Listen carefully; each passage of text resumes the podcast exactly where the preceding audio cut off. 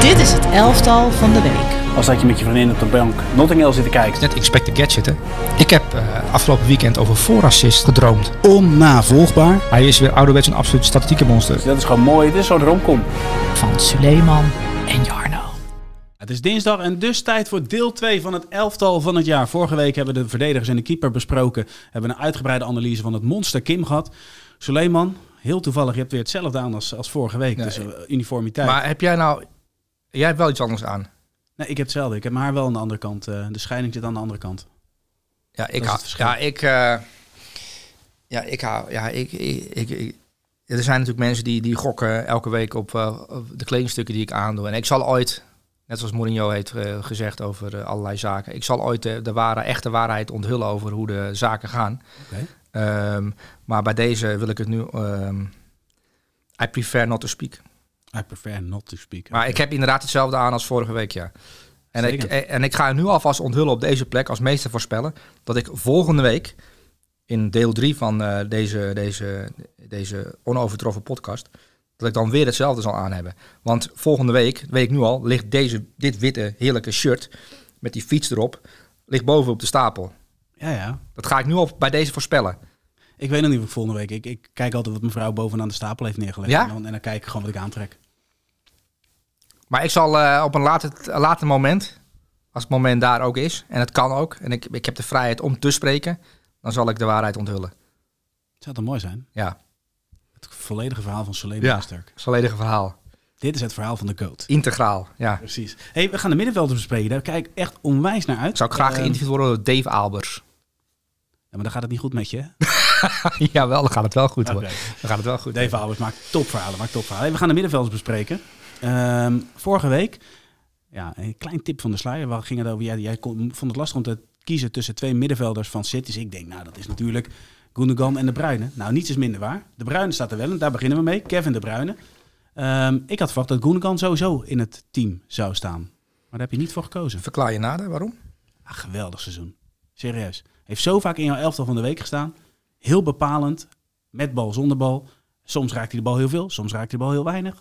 Eh, we hebben het ook gehad vorige week over eh, de ontwikkeling die speler doormaakt. Nou, dan vind ik ook wel dat die stappen die hij gezet heeft ja, enorm groot zijn. Maar goed, de andere kant. Kevin De Bruyne is Kevin De Bruyne. En Kevin De Bruyne is denk ik nog wel steeds de allerbeste middenvelder ter wereld. Ja, hij... Nog wel. Want er is er iemand in jouw team staat, die gaat het worden. Oké. Zeker. Ehm, Heel snel. eh, zullen we het over... ehm, Kevin De Bruyne hebben? Ja, wil je het kort houden over Kevin of wil je het lang doen over Kevin? Ja, kijk, Kevin De Bruyne is zo'n speler ehm, waarvan 80% van de Nederlanders zegt best middenveld ter wereld. Doelpunten, assists.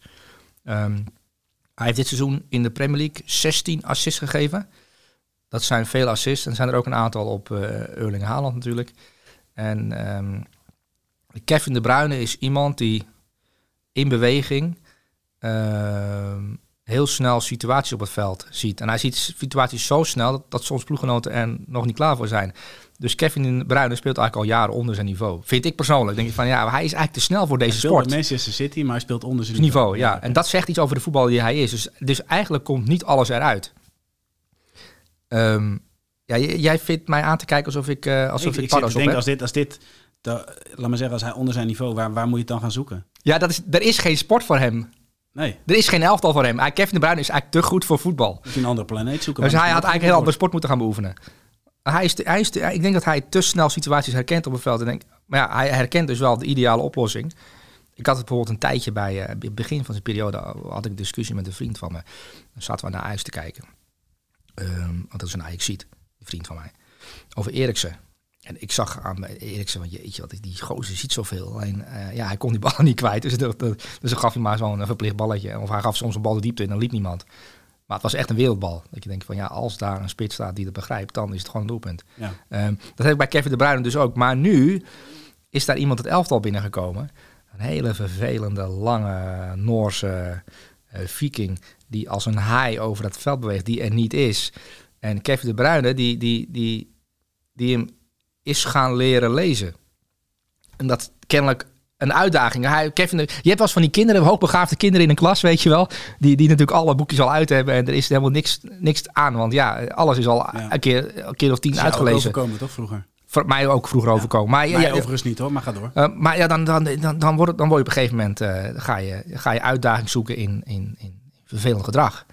Hoe ver kan ik gaan om, om de RS eh, aan het janken te krijgen? Dat soort dingen. een hoop duidelijk, ga door. Oh, je, maakt, oh, je begrijpt ineens hoe dat Ja, ja. functioneert. Nou, maar je gaat, op, je gaat je vervelen en je denkt, ja, je bent al, eigenlijk heb je binnen een minuut al het probleem opgelost. Dan denk je, oké, we gaan hier nu nog wel 50 minuten over vergaderen. Vervelend. Ehm, want ik heb eigenlijk al bedacht wat ik wil. Eh, zullen we verder gaan? Eh, het gaat. En dat- bij Kevin de Bruyne heb ik het idee ook dat hij dat, dat die, dat die oplossing eigenlijk al gezien heeft. Maar ja, Erling Haaland speelde bij een andere ploeg. Ja, dat is lastig. dan- is het dan wel dat, dat ehm, de Bruine is Ah, weergeloos voetballen. gaan kijken naar, naar Halen, maar het is ook nog andersom. Ze, ze kennen elkaar gewoon. Ja, door. ja nee, maar Er- Er- Erling Haaland heeft dat in een interview verteld. Vond ik wel interessant. Uh, Erling Haaland keek naar Manchester City. Uh, niet zoals wij naar Manchester City kijken. Wij kijken naar City en dan denken we, oh, goh, hoe gaan ze het oplossen uh, om die ploeg uh, kapot te spelen? Hoe gaat City deze wedstrijd proberen te winnen? En Erling Haaland vertelde in een interview wat ik gelezen heb, dat hij naar City keek en dat hij zelf dan in de spits stond. Dus hij keek als speler van Dortmund naar City. Wat zou ik doen als Kevin de Bruyne daar de bal krijgt? Oké, okay, dan ga ik die loopactie maken. Zou hij mij dan vinden? Dan had hij over na te denken, gewoon als in zijn vrije tijd, terwijl hij naar voetbal zat te kijken. Dat is wel interessant, toch? Als een jongen al op die manier Zeker, over ja. zichzelf kan nadenken. Um, en je ziet nu momenten dat Kevin de Bruyne bijvoorbeeld op links doorkomt. Um, en je weet, die bal gaat tweede paal, hoog. Want dat is de bal die Haaland binnenkomt. Is al Ja. een paar keer dit seizoen geweest. Dat, en de, Bruyne hoeft niet meer te kijken, want hij weet dat Haaland daar staat. Omdat hij zijn gedrag gewoon is gaan lezen en dat, dat is gaan automatiseren. Hij begrijpt gewoon, als ik hier doorkom, gaat Haaland daar naartoe bewegen. Want dat is de meest efficiënte manier om te scoren. En dan heeft hij de gave dat waar hij wil hebben, daar komt Daar hij. komt hij ook. Ja, dat is nog ook nog eens dat hij kan Ja. het al- allemaal uitvoeren. Um, alleen, uh, hij heeft alle oplossingen paraat. Alleen, je kunt wel alle oplossingen paraat hebben, maar er moet ook, geen, uh, er moet ook iemand zijn die hem dan binnenkomt of binnenschiet. Um, dus je ziet dat Kevin de Bruyne ja, geweldig matcht met Haaland. En, en, en dat is, uh, ja, Haaland denkt op een bepaald niveau wat dat doel te maken betreft. En daar past Kevin de Bruyne perfect bij. Dus de blikopener eigenlijk. Kevin de Bruyne van Manchester City, die, die, die opent elke keer. Dan, dan, dan, is het feest, dan, dan kunnen de biertjes gedronken worden. Dat is wat Haaland doet. Die zuipt elke keer die biertjes op, die Kevin de Bruyne opent. Um, maar nu gaan we iets te filosofisch door op Kevin de Bruyne.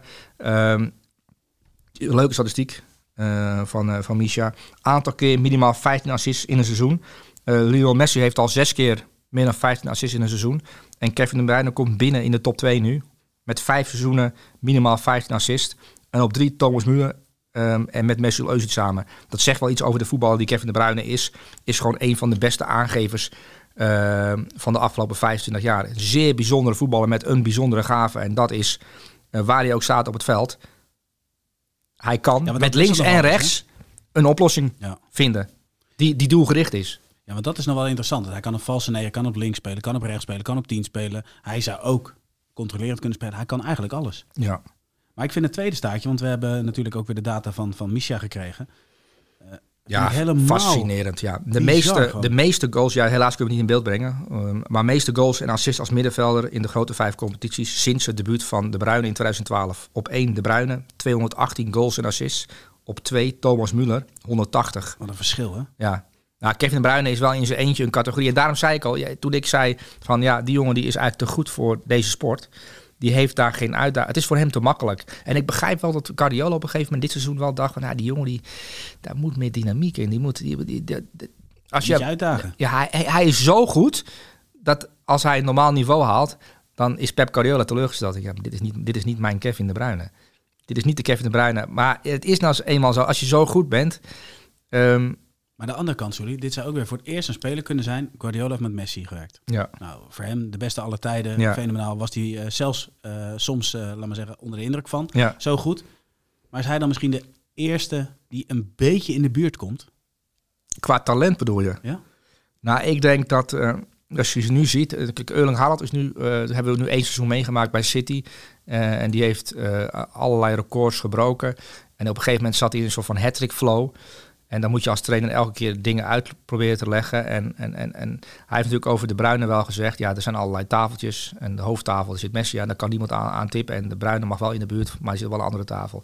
En Guardiola heeft dit seizoen wel een opening naar Messi ge- ge- gemaakt wat betreft Erling Haaland. En die zijn totaal onvergelijkbaar qua techniek, En qua voetballers, want het zijn twee totaal verschillende types. Hij mag, hij mag aan de tafel van Messi eten. maar Hij, heeft, aan het hoofd nemen. hij mag aan de tafel van Messi eten omdat hij iets heeft wat je bijna niet onder woorden kan brengen. Omdat ehm, als je eh, het elftal zodanig uh, neerzet... En hij heeft zich ook als trainer... eh, de- Pep Guardiola past zich niet zo vaak aan aan een voetballer. Hè?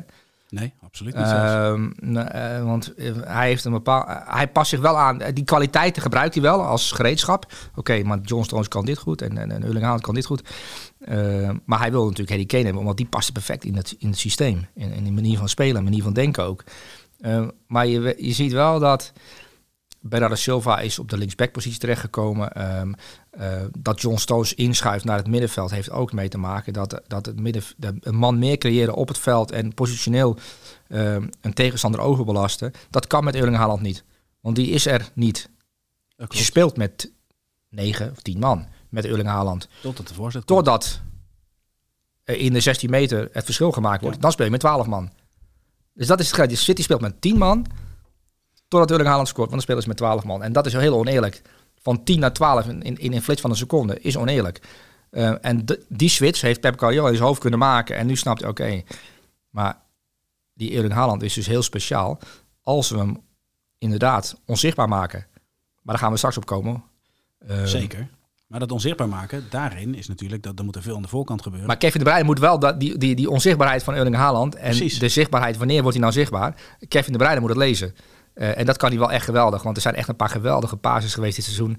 Dat je wel even, even denkt, jeetje, wauw, dit is wel, eh, dit is wel goed gezien. Dit is wel echt de- iemand die, die eh, op, wat zijn talent betreft echt hoogbegaafd is. Ja, en er zijn een aantal van die pases op die op een gegeven moment rechts uitzak. Die strakke bal Ja. de tweede paal, die is echt niet normaal. Maar ook, je ziet ook dat Erling Haaland, en dat hebben de echt goede, eh, echt goede doelpuntenmakers hebben dat, die is er, die komt ergens op een bepaald ogenblik. Dus hij is, hij staat, Erling Haaland loopt soms te treuzelen. Dat je denkt van hij wacht. En dat heeft, dat heeft wat Messi ook heel vaak eh, deed. Die, dat die, die wacht op het ja, die ging pas lopen op een, Ja, op maar een dat is bepaald het moment. meest interessante aspect aan Haaland. Wat, wat doet hij vlak voor zo'n doelpunt? Ja, ja. Dat is, Maar hij, hij houdt zich soms ook tijdens een sprint, zie je hem soms even ehm soort van inhouden. En het, de paaslengte verandert dan even en dan, houdt hij zich in. En je ziet dan die verdediger van, hey, hij begint zachter te lopen. Die verdediger begint ook zachter te lopen. En dan opeens komt de, komt de demarrage eigenlijk. En dan ben je al te laat, want die demarrage is precies op het moment dat Kevin de Bruyne die de bal geeft. Pam. En dan, hij loopt hem dan binnen en denk je, wel weer een intikker. Maar ja, en, en dat is dat spel. eh, en het spel, het is een spel van ruimte, een spel van timing. En daar is Kevin de Bruyne een meester in. ja. Ja, En op dat vlak nog steeds de beste middenvelder ter wereld. wereld. Dus ja, ik heb nu heel veel aangehouden voor Kevin de Bruyne in het elftal van het jaar. Ehm, maar ik heb ook eh, Rodri, eh, schuine streep Rodri, neergezet. Omdat Rodri de meest verstuurde... Als je het hebt over City. City, dat is één grote eh, onderstroom. Dat zijn bases van voor naar achteren. Ehm, wie, wie verzorgt die onderstroom? Zoals Busquets dat deed bij Barcelona, is Rodri bij City. Zeker. Ehm, Kevin de Bruyne kan ik nog wel wegdenken bij City. Het wordt wel minder eh, effectief, maar ik kan hem wegdenken. Maar kan jij Rodri wegdenken bij Manchester City? En, en daar iemand neerzetten die dat ook zou kunnen? Op die manier, op dat niveau. Nee, ik zit, ik zit te denken, dan, dan zou nu de enige die te binnen schiet zou Kimmich zijn. Oh, maar ik heb het over een City-selectie. De spelers van... eh, Oh, nu in de huidige selectie... Ja, je, je, je kunt, eh, je kunt inderdaad Kimmich neerzetten, maar ja, dat moet je wel kopen. Nou ja, kijk, Gundogan zou misschien als enige een beetje in de buurt komen, maar die, Die, zou die niet... gaat mentaal kapot zijn na twee maanden. Dat van- is het. Je Ja. moet, je moet altijd rustig blijven. Je moet altijd, laat maar zeggen, die, die, die, die focus houden dat je, nou, laat maar zeggen, dat je het rustpunt bent. En niet meer dan dat. Ja. Maar goed, we hebben het eerst over de Bruin. Zullen we die eerste cijfer geven en dan naar de volgende gaan? Ehm, ik geef de Bruyne een 10. Een 10, uitstekend. Dan gaan we nu naar Rodri, de passmaster van Manchester City. Het rustpunt van Manchester City. Ja, ja jij, jij geeft terecht aan van ja, wie zou hem op kunnen vangen. Hij speelt natuurlijk ook extreem veel, omdat daar niet een directe vervanger voor is. Nou, ze hebben Kelvin Phillips van Leeds United gehaald voor Ja, 50 die speelt miljoen. niet zoveel. Nee, ja, hij is ook geblesseerd geweest. Maar ja, die speelt nooit, omdat Rodri altijd speelt. En, en zoals je bij Barcelona jarenlang... eh, ehm, kijk, die, die klok die hier in de studio, studio hangt, die tikt. En er zit een radarwerk in. En dat radarwerk zien wij niet. Maar dat radarwerk werkt wel. En als, die, als dat stopt, de batterij is op zijn, stopt die klok. En dan valt, valt jou pas op dat die klok radarwerk heeft. Maar hij lijkt automatisch te draaien. Dat je met Rodi en Busquets heb je bijvoorbeeld ook. Die zijn, al, die zijn altijd op de goede plek. En eigenlijk, dat voelt ook heel vertrouwd. Ehm, totdat ze niet meedoen. En dan denk je, hé, maar hoe laat is het eigenlijk? Ehm, eh, volg je het nog of niet? Ja, zeker. Nou ja, je vergelijkt hem toch met een goedkope IKEA-klok op dit moment. Eh, dit is een goedkope IKEA-klok. Ja, ja je moest ergens op Eh, bezuinigen. We moeten hier op tafel hebben, dus dan moet je, dan moet je ergens... Oké, eh, dat is wel een verkeerde vergelijking. Want, ik vind Rodri eh, geen goedkope IKEA-klok. Eh dat Nee. is een Zwitsers uurwerk. Eh, wat altijd tot net een beetje op, anatomisch niveau noem je dat. Zo'n atoomklok. Dat is het eh, atoomklok is dat. Die is altijd op tijd.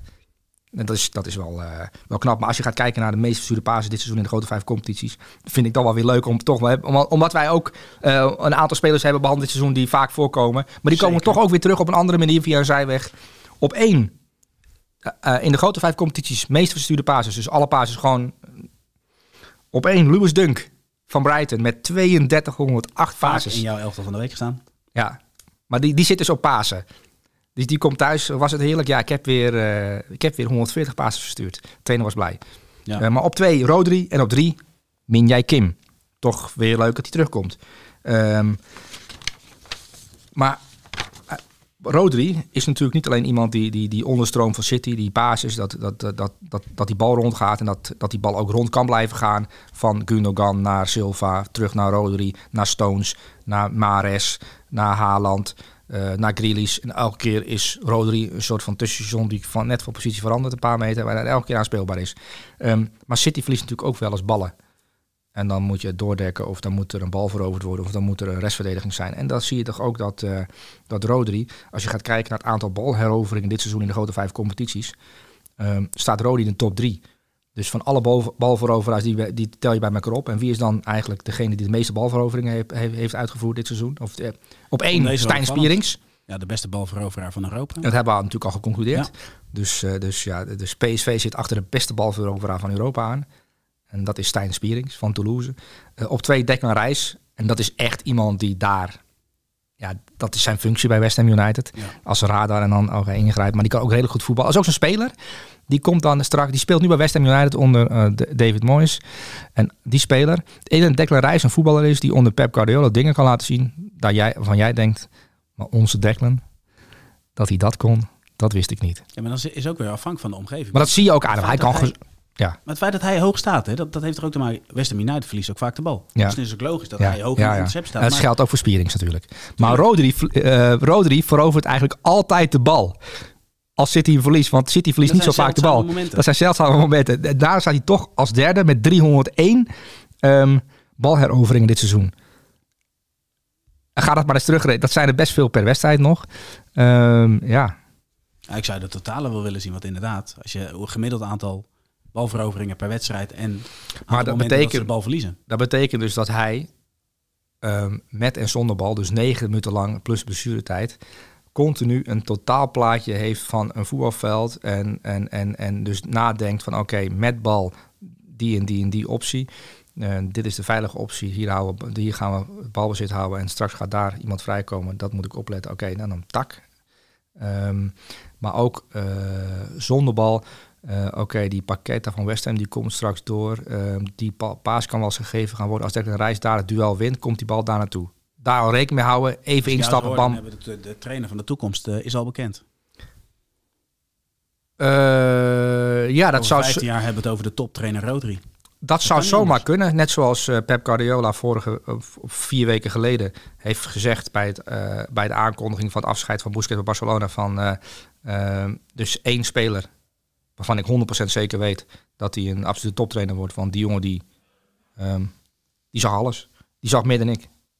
En dat is Sergio Busquets. En ja, eh, Rodri is natuurlijk opgeleid om dat ook allemaal te doen. En dat is wel mooi. Busquets en Rodri lijken zo erg op elkaar. En is ook wat functie betreft bij een elftal. En allebei verbonden aan Pep Guardiola. Dan zie je ook dat Rodri moest kiezen tussen Simeone en, en, en, en, eh, en Guardiola natuurlijk. Want die, die, die speelt natuurlijk bij Atletico. En Ja. het kreeg toen de kans om naar City te gaan. En dan is het kiezen. Ehm, dan kom je voor een dilemma te staan. En hij heeft toch gekozen voor, eh, voor eh, Pep Guardiola. Ehm, en je ziet nu dat de manier waarop hij zich on- ontwikkeld heeft, ja, dat is, dat is, die speelde bij Spanje op het WK gewoon eh, centraal achterin. Eh, dat kan precies. natuurlijk, maar ja, Ja. dat, dat kan hij. Ehm, maar ja, een, een geweldige speler. Het zou altijd mooi zijn als we straks, eh, weet ik wel, over, over 15 jaar in de Premier League, dat je City tegen Liverpool en dat je dan Rodri tegen Busquets krijgt. Ja, maar dat is natuurlijk nu ook eigenlijk aan de hand, hè? Maar dan op een ander niveau. Ten Hag tegen Busquets zijn ook twee middenvelders tegen elkaar. Alleen, eh, ja, vroeger, eh, vroeger we hadden... Ten Hag tegen Guardiola. Of, wat zei ik? Busquets. Oh, Ja, ten Hag tegen Guardiola. Maar ja, Jurgen Klopp is natuurlijk ook voetballer geweest. Alleen ja, die liep op twee houten stelten. Heb je Jurgen Klopp wel eens in actie gezien als voetballer in de jaren negentig? Is dat ook heavy metal? Dus echt rocken en... eh, nou, nee, het was geen heavy metal. hoor. Hij was super traag en eh, zette de lijnen uit omdat hij eigenlijk gewoon te traag was om, eh, om, om, om ballen te veroveren. Nou, hij was een s- ongelooflijk slechte ehm, eh, verdediger. Alleen wel voor de groep wel goed, hè? Precies. Hij zet alles goed neer. Goeie trainer. Hey, we hebben het over Rodri. Wat voor cijfer krijgt hij voor zijn seizoen Nou, in Manchester City? Tien. 10. Dan gaan we naar de volgende middenvelder. Maar wie kies jij? Rodri of de Bruyne? Eh, toch de Bruin uiteindelijk. Vanwege de, het rendement, de Ja, extra klasse, de 16 Ik- assists Ik, die weet wel dat, dat je niet zonder Rodri kan, maar ik vind ja, de, de Bruyne, ja, dat is toch fenomenaal. Maar ik vraag me dus af, als je tien toptrainers vraagt, de Bruyne of Rodri, wie ze dan zullen kiezen. En als je Guardiola vraagt, je, één iemand mag je niet opstellen in de, eh, in de eerste wedstrijd van het nieuwe seizoen. Wie eh, stel je niet op? En, en, het, en het is een Supercup wedstrijd, zeg maar. En, en het, ja. Ja. Of wie mag je niet meer gebruiken? Het is natuurlijk een lastige keuze. Maar eh, vraag ik me toch af wie ze zullen kiezen. En het zou ook zomaar kunnen zijn dat je denkt van ja, maar Rodri, dat kan John Stones ook. Komt goed, want de Bruyne is speciale klasse, want het gaat om uiteindelijk om doelpunten te maken in het voetbal. En da daar heb je de Bruyne voor nodig, want je- anders wordt het 0-0. Dus het is wel, eh, ja, lastige keuze. Ik denk toch dat de meesten zullen kiezen voor de Bruyne. Maar ik denk dat Guardiola kiest voor Rodri. ja, Je toch ook in als opstelling. Hè? Ik bedoel, die haalt hij er echt nooit uit. Zeker niet als het belangrijk wordt, helemaal niet. nee, want ja, wa- waarom zou je dat, als je hem eruit haalt, dan, heb, dan zit er een gat in, eh, in je middenveld. En eh, ja, kijk, de Bruyne kan vervangen worden door Gundogan Ehm, of Silva. Silva, ja. Ehm, en, en dan heb je een ander type speler. Ehm, maar die maakt ook het verschil. Want hebben, we hebben Silva in actie gezien tegen Real Madrid. Maakt ook het verschil. Zeker. Op je levert zijn manier. Als de Bruin die speelt, lever je altijd in. Daar zijn we het over eens, toch? Maar goed, jij hebt een 10 gegeven aan eh, Kevin de Bruyne. We gaan door naar de volgende middenvelder. De middenvelder waarvan ik denk dat hij binnen korte tijd de beste middenvelder ter wereld kan gaan worden. Misschien wel gaat worden. We hebben het over Jude Bellingham. En eh, daar hebben we ook een korte analyse Oh. van. Interessant. Eh, in twee delen. Eh, laten we de eerste momenten er eens bij we pakken wel uit hè, met de elfde van het jaar. ja, tuurlijk, tuurlijk. Komt hij aan. Kijk, het spel maken, daarin is hij goed. Hij, hij trekt altijd de, bal naar zich toe. Hier ook. Spelen tegen Stuttgart. De bal eruit gehaald. Nou, hij heeft altijd oog voor zijn omgeving. Dus als het gaat om spel maken, passing, nou, daar is hij top in. Maar wat volgende moment, daarin typeert, dat typeert ook Bellingham. Hij is ook altijd op tijd in de 16 meter.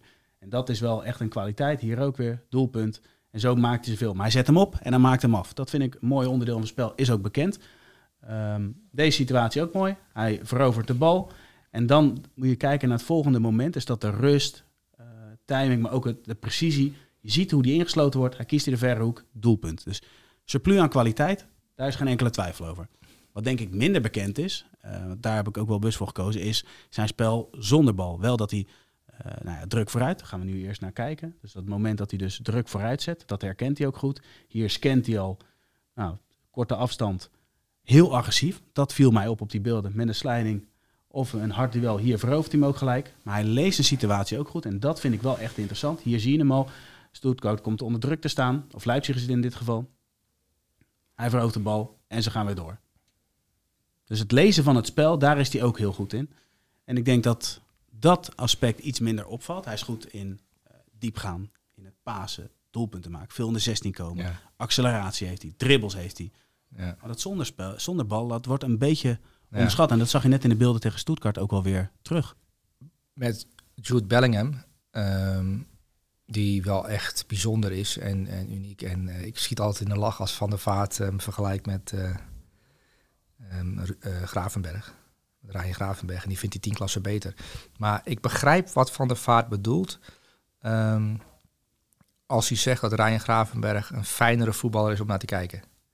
Omdat hij dan, ja, dat is sierlijkheid. In bepaald soort, zit een bepaald soort sierlijkheid in zijn spel en de aannames. En daar houdt Van der Vaart van. Maar als Van der Vaart zegt, dat Jude Bellingham minder is of minder begaafd is dan, uh, dan, dan Ryan Gravenberg, dan ontgaat hem een deel van het spel um, zonder bal. En um, kijk, Jude Bellingham, die maakt, als hij bij City terecht zou komen, uh, als rechtshalf of linkshalf, maakt hij Rodri veel beter. Hij maakt Haaland veel beter. Hij maakt de buitenspelers beter. Hij maakt John Stones beter. Omdat hij uh, in een wedstrijd zich voortdurend kan aanpassen aan wat die wedstrijd op dat moment verlangt. Jij, noemt, jij haalt nu uh, het moment van bal heroveren eruit en druk zetten.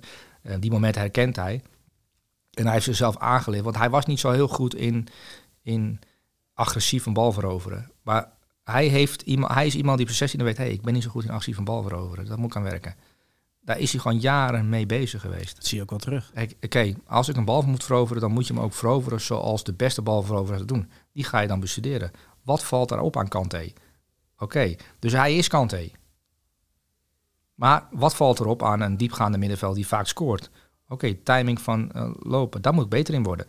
En, en uh, waar ik naartoe ga werken is, hij, dus hij heeft al, al die middenvelders die hij heel goed vindt. Federico Valverde vindt hij fantastisch. Dan gaat hij hem bekijken. Denk, hé, maar waar is die jongen nou zo goed in? Oh, dat is, oké, daar, daar, gaat hij mee aan de slag.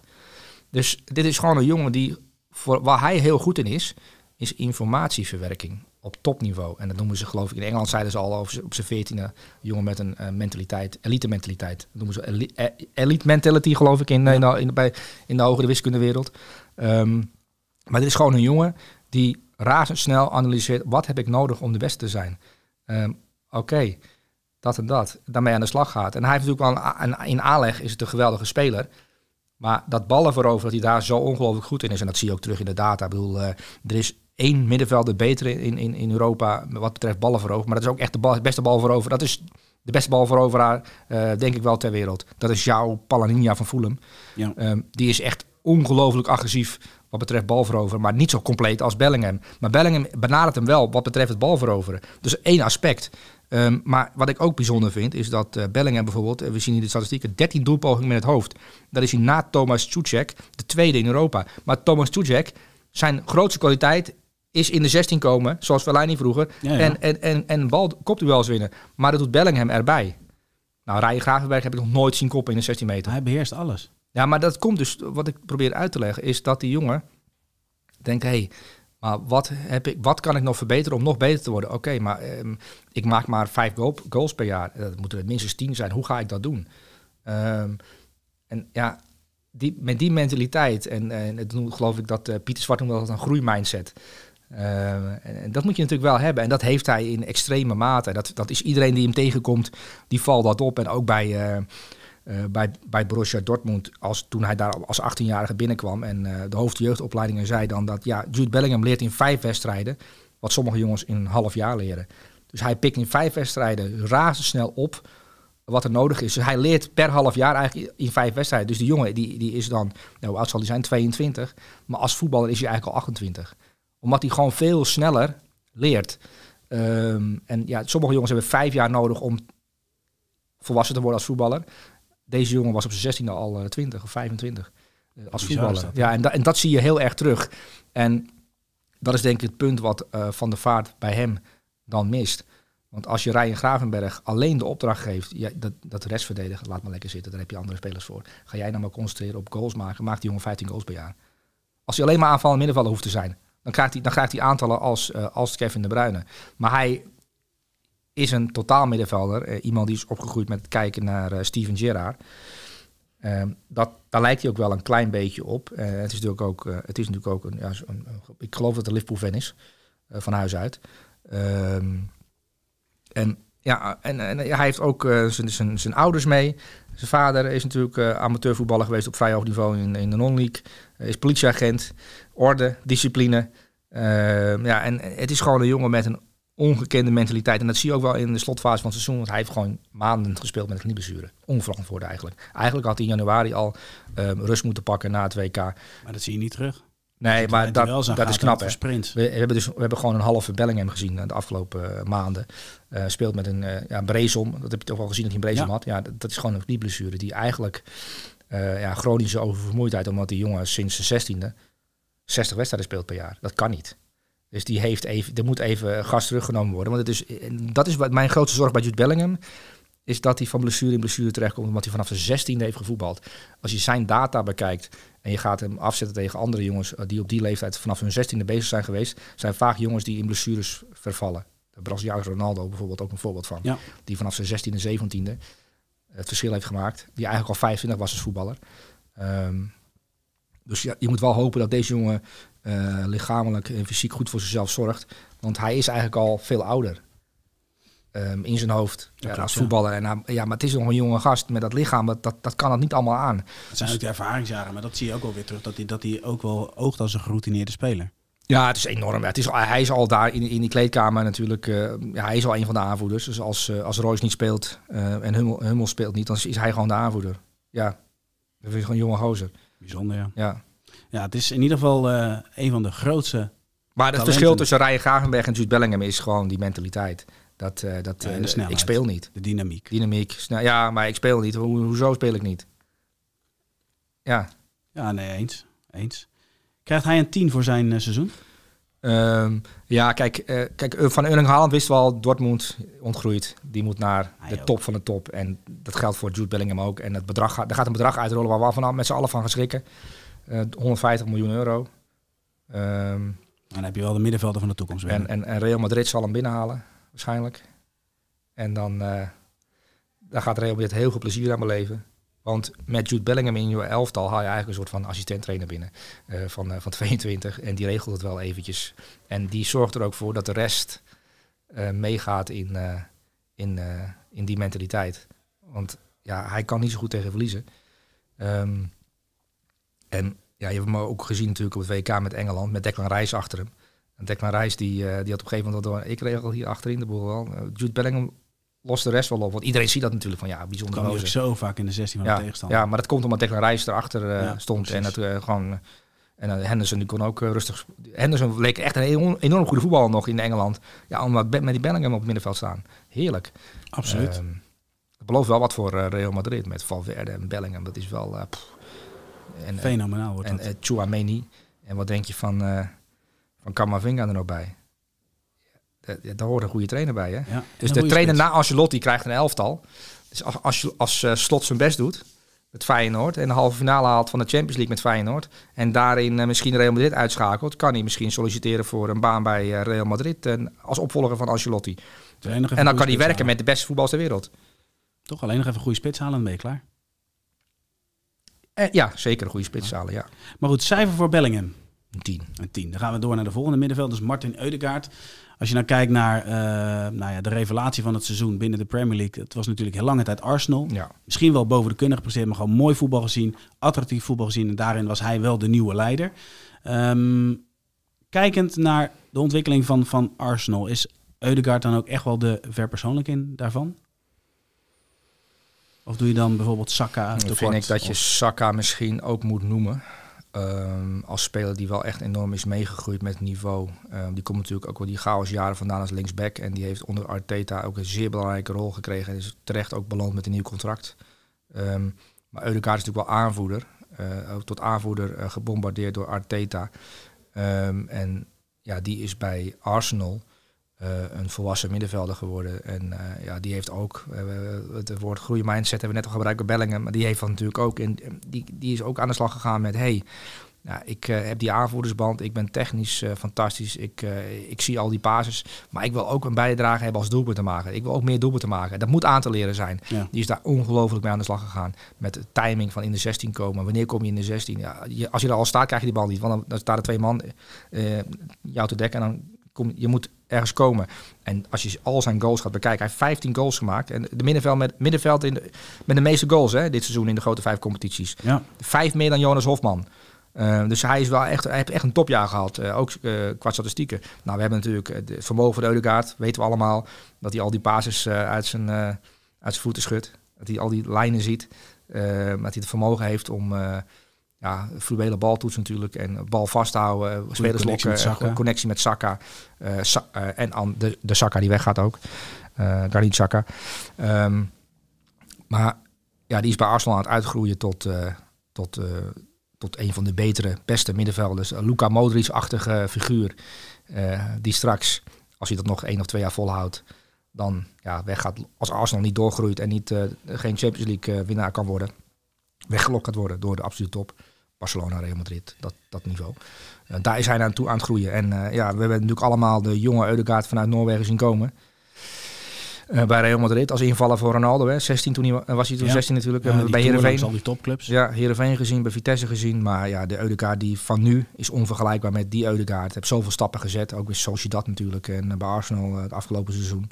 Ehm, en, ja, en, en, en terecht ook genomineerd voor de, de, de Premier League prijs als beste speler. Nou zal Ha- Haaland zijn landgenoten wel winnen. En terecht, want die, die Ja. heeft hem gewonnen. Ehm, maar Eudegaard is ook een... Het is wel bijzonder trouwens dat, dat, dat, dat, Absoluut, dat- ja. van die Noren... dat die allemaal zo eh, aan het uitblinken zijn. Her en der. Nou ja, zeker. En, en vaak zie je ook bij, bij dat soort landen dat er maar één sterspeler is. En, en Er zijn er wel meerdere. Dat, eh, dat is niet verkeerd. Nee. Oké, voor zijn op... eh, maar ben je het met, met, met Eudegaard ben je het met me eens of Ja, niet? vind ik wel. Vind ik wel. Ja, Je zou kunnen kijken van hoort hij bij de revelatie of niet. Maar eh, Arsenal moeten we gewoon benoemen in het, in het elftal. Dan is hij wel een van de gezichten van. Dus nee, met, met recht in jouw elftal. Ehm, als jij hem dan een cijfer zou moeten geven, is dan wederom een 10? Een tien. Een 10? Nee, Eudegaard, ehm, die, die, kan nog beter. Dus die geeft een 9,5. Ja. Terecht. Dan gaan we naar de laatste middenvelder. Ja, is het een middenveld? Dat is weer de vraag. We gaan naar Antoine Griezmann. Eh, tijdens het WK viel vooral op wat hij zoal deed ehm, op het middenveld. Dus dat hij niet alleen met aanvallen bezig was, maar dat hij soms ook de extra controleur was. Die heeft ook wel weer, als je het hebt over eh, ontwikkeling als speler, die heeft ook wel een ontwikkeling doorgemaakt. Is dat dan ook de veelzijdigheid die je dan meeneemt in de beslissing om hem toch in het elftal van het jaar te zetten? Want hij heeft niet heel vaak in jouw elftal van de week gestaan. Nou, Een na- aantal na keren. het week. Ja, maar dat is wel veel natuurlijk voor een speler van Atletico Madrid. Ehm, nou, ik moet heel eerlijk zeggen, ik, eh, de, de laatste speelronde van La Liga, die ging natuurlijk over degradatie. Ehm, eh, met- dat was toen de strijd. En, eh, maar de wedstrijd, de laatste wedstrijd van het seizoen, die eigenlijk voor Atletico Madrid, die gaat wel op plek 2 of 3 nog, maar die ging nergens meer over, maar beslissend. Maar hij heeft ehm, vanaf februari zo'n ongelooflijk hoog niveau gehaald bij Atletico Madrid. Ehm, er zijn weinig, ik heb weinig keren dat ik echt denk van jeetje mina, het is eigenlijk niet normaal wat je op dit moment aan het doen bent. Maar ik vind hem, hij, Barcelona is kampioen geworden en Ter Stegen zal eruit gepikt worden. Uh, de, de doelman die uh, 16 clean sheets heeft. En, uh, maar ik heb bij Barcelona niet één speler waarvan ik dacht, ja, die dat is de superster van deze competitie. Lewandowski is natuurlijk een geweldige spits en dat heeft hij bewezen bij Barcelona in zijn eerste jaar. Frenkie de Jong geweldige ontwikkeling doorgemaakt. Araujo hebben we terecht benoemd uh, een paar weken geleden al als verdediger in La Liga. Ter stegen. Maar als je mij vraagt, de beste speler in La Liga, zeg ik Antoine Griezmann. En dan zullen mensen zeggen, ah, die is hartstikke gestoord. Maar het niveau wat hij haalt, uh, het gewak waarmee hij voetbalt, de oplossingen die hij ziet, uh, niet onder druk te krijgen. Zo'n ongelooflijk hoog niveau. Um, dat ik denk van ja, die jongen heeft jarenlang onder zijn niveau gevoetbald. Want het niveau wat hij het afgelopen half jaar heeft gehaald, heb ik, dat is echt ongekend hoog. Dus je zegt ook het verschil met de Griezmann voor zijn Barcelona-tijdperk bij Atletico en die nu. Dus een wereld van verschil. Ja, wereld van verschil. Als je ziet hoe hij bij Barcelona... Uh, uh, ik denk dat... Ja, ik, ik, misschien zal ook zielig als linksbuiten. Nou, maar ik denk ook dat hij daar echt de depressieve gevoelens heeft uh, ontwikkeld. Dat je daar toch wel... Dat, dat, dat, echt, dat kan je als persoon natuurlijk wel raken. Dat je op die manier... Je gaat een soort van dromen achterna en dan kom je in een nachtmerrie terecht. En dan moet je dan een plek geven. Je wordt goed betaald, je mag niet zeuren, want je bent voetballer. En uh, ja, ja, je moet er ook nog voor je vrouw en kinderen zijn. Ja. Weet je, dat soort zaken. Dus je, je moet als man natuurlijk ook wel uh, dat lot dragen, op een bepaalde manier. Um, en ik had altijd bij Antoine Griezmann wel het idee van... ja, de Franse ploeg met Deschamps, die relatie... maar ook de verantwoordelijkheid die hij krijgt in het elftal... je zag dan een totaal andere speler. Um, veel lichter ook lopend, le leek het wel. Um, en dat was, bleek ook weer, want bij Frankrijk in aanloop naar het WK ging het over, ja, Kanté kan niet mee en Pogba is geblesseerd en hoe moet het nou met Benzema en Mbappé. Um, maar Deschamps wist al, ja, we kunnen Griezmann ook een linie naar achter halen, want die, die kan eigenlijk veel meer dan misschien, uh, dit is niet alleen maar een nummer 10 die in de rug van Mbappé bijvoorbeeld in de 16 kan komen. Ja, vooral op het WK hebben we wel echt van hem genoten. De ja, dat diversiteit heeft van, van spelen. Ja, tot, tot de halve finale was hij weergaloos. Voor mij de beste speler van het toernooi. En ja, helaas in die finale Um, haalde hij zijn niveau niet. En dat had ook te maken met Argentinië natuurlijk, die in bepaalde intensiteit speelde. En misschien was het tank leeg bij Griezmann of was hij ziek, want er waren natuurlijk een aantal spelers ziek van Frankrijk. Uh, en waardoor dat toernooi een beetje, wat betreft Griezmann, vergeten is geraakt. Maar speelde een weergaloos uh, WK. En daarvoor eigenlijk ook al heel goed. eh, hij is natuurlijk al op andere eindrondes ook al heel goed geweest. En, en, en als je die speler vergelijkt met de speler die bij Barcelona zag, is ja, dat is gewoon zielig. En dan moet je eigenlijk mensen voor veroordelen. Zoals mensen die voor financiële malversaties worden veroordeeld en in de bak terecht kunnen komen, vind ik ook dat je soms ehm, Spelersmisbruik. ja, moet je ook kunnen, kunnen bestraffen en, en, en trainerslicenties intrekken. Omdat dit kan je een speler gewoon niet aandoen. Eh, als je nu ziet wat die Simeone, ehm, die heeft het licht gezien tijdens het WK. En denk ik, hé, maar Antoine Griezmann, dat is wat hij leuk vindt. Dat moeten we hem geven. En ja, de, de laatste weken en maanden bij, bij, bij Atletico heb ik echt ongelooflijk van genoten. Ik ben speciaal ook wedstrijden gaan terugkijken op ons scoutingsplatform. eh, met de camera gericht op eh, Antoine Griezmann. Om gewoon dat plezier te zien. Ik, jeetje, Mino, hij is, echt, hij is echt waanzinnig. Want de cijfers liggen er ook niet om. Ja, nee, maar kijk, ehm, er, zijn, er zijn twee spelers in de grote vijf competities die minimaal 15 goals en minimaal 15 assists hebben. We hebben het over Kevin de Bruyne, dat vinden we knap, hè, 16 Ja. assists. En dan zeggen we, wow, weer galoze middenvelder. Er is één speler die al jarenlang eh, wandelt. Eh, we hebben het natuurlijk over Lionel Messi en die, die, die, die al een paar jaar, nou hij staat wel regelmatig in de elf van het jaar, eh, maar dit keer niet, hè, dat kunnen we alvast onthullen. Lionel Messi zat er niet in, maar wel gewoon 20 goals en 21 assists. Of 21 goals en 20 assists. Bizar Ehm, eigenlijk, hè? Ja, maar die valt dan af. Maar die heeft gewoon vijf of zes assists meer. Maar hij speelt in de Farmers League, hè, zo noemen ze dat Ja, online. Wereldkampioen geworden. Ja, maar dat telt even niet mee. Ehm, maar Antoine Griezmann die heeft, die is na Messi de enige met meer dan 15 goals en meer dan 15 assists ehm, in de grote vijf competities. Ehm, in, een, in een toch wat andere rol, in, als een soort van extra middenvelder. eh, met de vrijheid om overal te gaan en staan waar hij wil. Maar ook die cijfers die, jij, die je ziet, ehm, het aantal keren kansen, top 84. eh, aantal balcontacten. Hij is iemand die nu het vaakst aan de bal komt. Dus hij, hij komt ook vaak aan de bal. Hij staat niet meer op links in zijn eentje geïsoleerd te wachten tot hij een keer een bal krijgt. En dan moet hij la Neymar een speler voorbij. Nee, dat is niet zijn spel. Ehm, en geslaagde dribbles eh 47. Dus hij is ook iemand die dribbelsterk is, maar op een andere manier dan een buitenspeler. Ehm, en ik heb hem ook heel veel ballen zien veroveren op eigen helft. Want dat moet bij Atletico.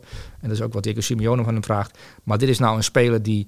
en we hebben, het, we begonnen eh, deel 1 eh, twee jaar geleden eh, met de Miami Heat.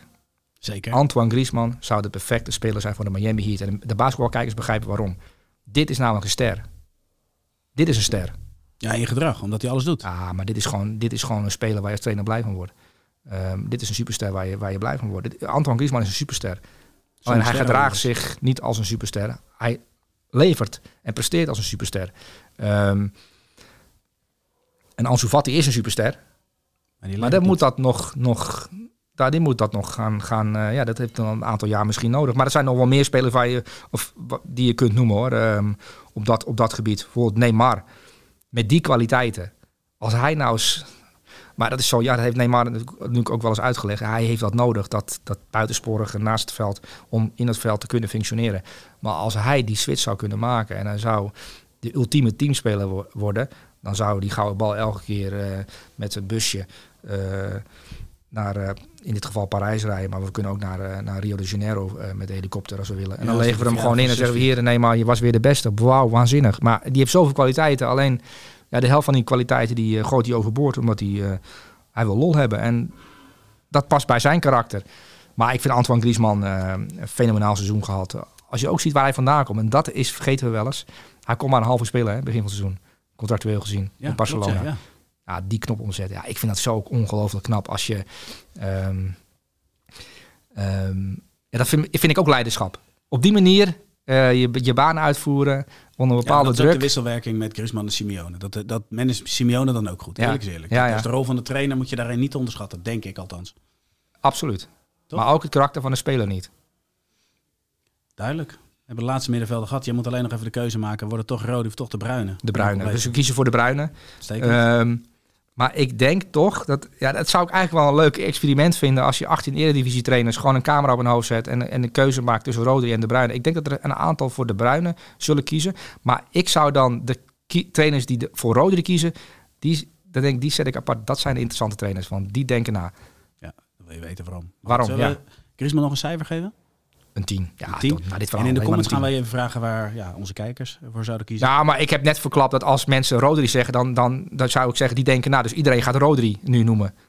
Tenzij de eigenwijze, de, de eigenwijze ehm, de eigenwijze zolderkamerrukkers, die gaan, eh, die gaan, die, die gaan eh, de Bruyne noemen. Zolderkamerrukkers. Zolderkamerrukkers. Goed scrabblewoord. Ja, Ehm grote vriend, dank voor deel 2. En eh, we gaan ons uh, was weer, een, eh, was weer een genoegen, deel 2. zeker weten. Sully bedankt. En jongens, jullie bedankt voor het kijken en voor het luisteren. Zoals gezegd, volgende week zijn we terug met de beste aanvallers van dit seizoen. Tot ziens. Dit is het elftal van de week. Als dat je met je vriendin op de bank Notting Hill zit te kijken. Net Inspect the Gadget, hè. Ik heb eh, afgelopen weekend over voorassist gedroomd. Onnavolgbaar. Hij is weer ouderwets een absoluut statistieke monster. Dat is gewoon mooi. Dit is zo'n romcom. Van Suleiman en Jarno.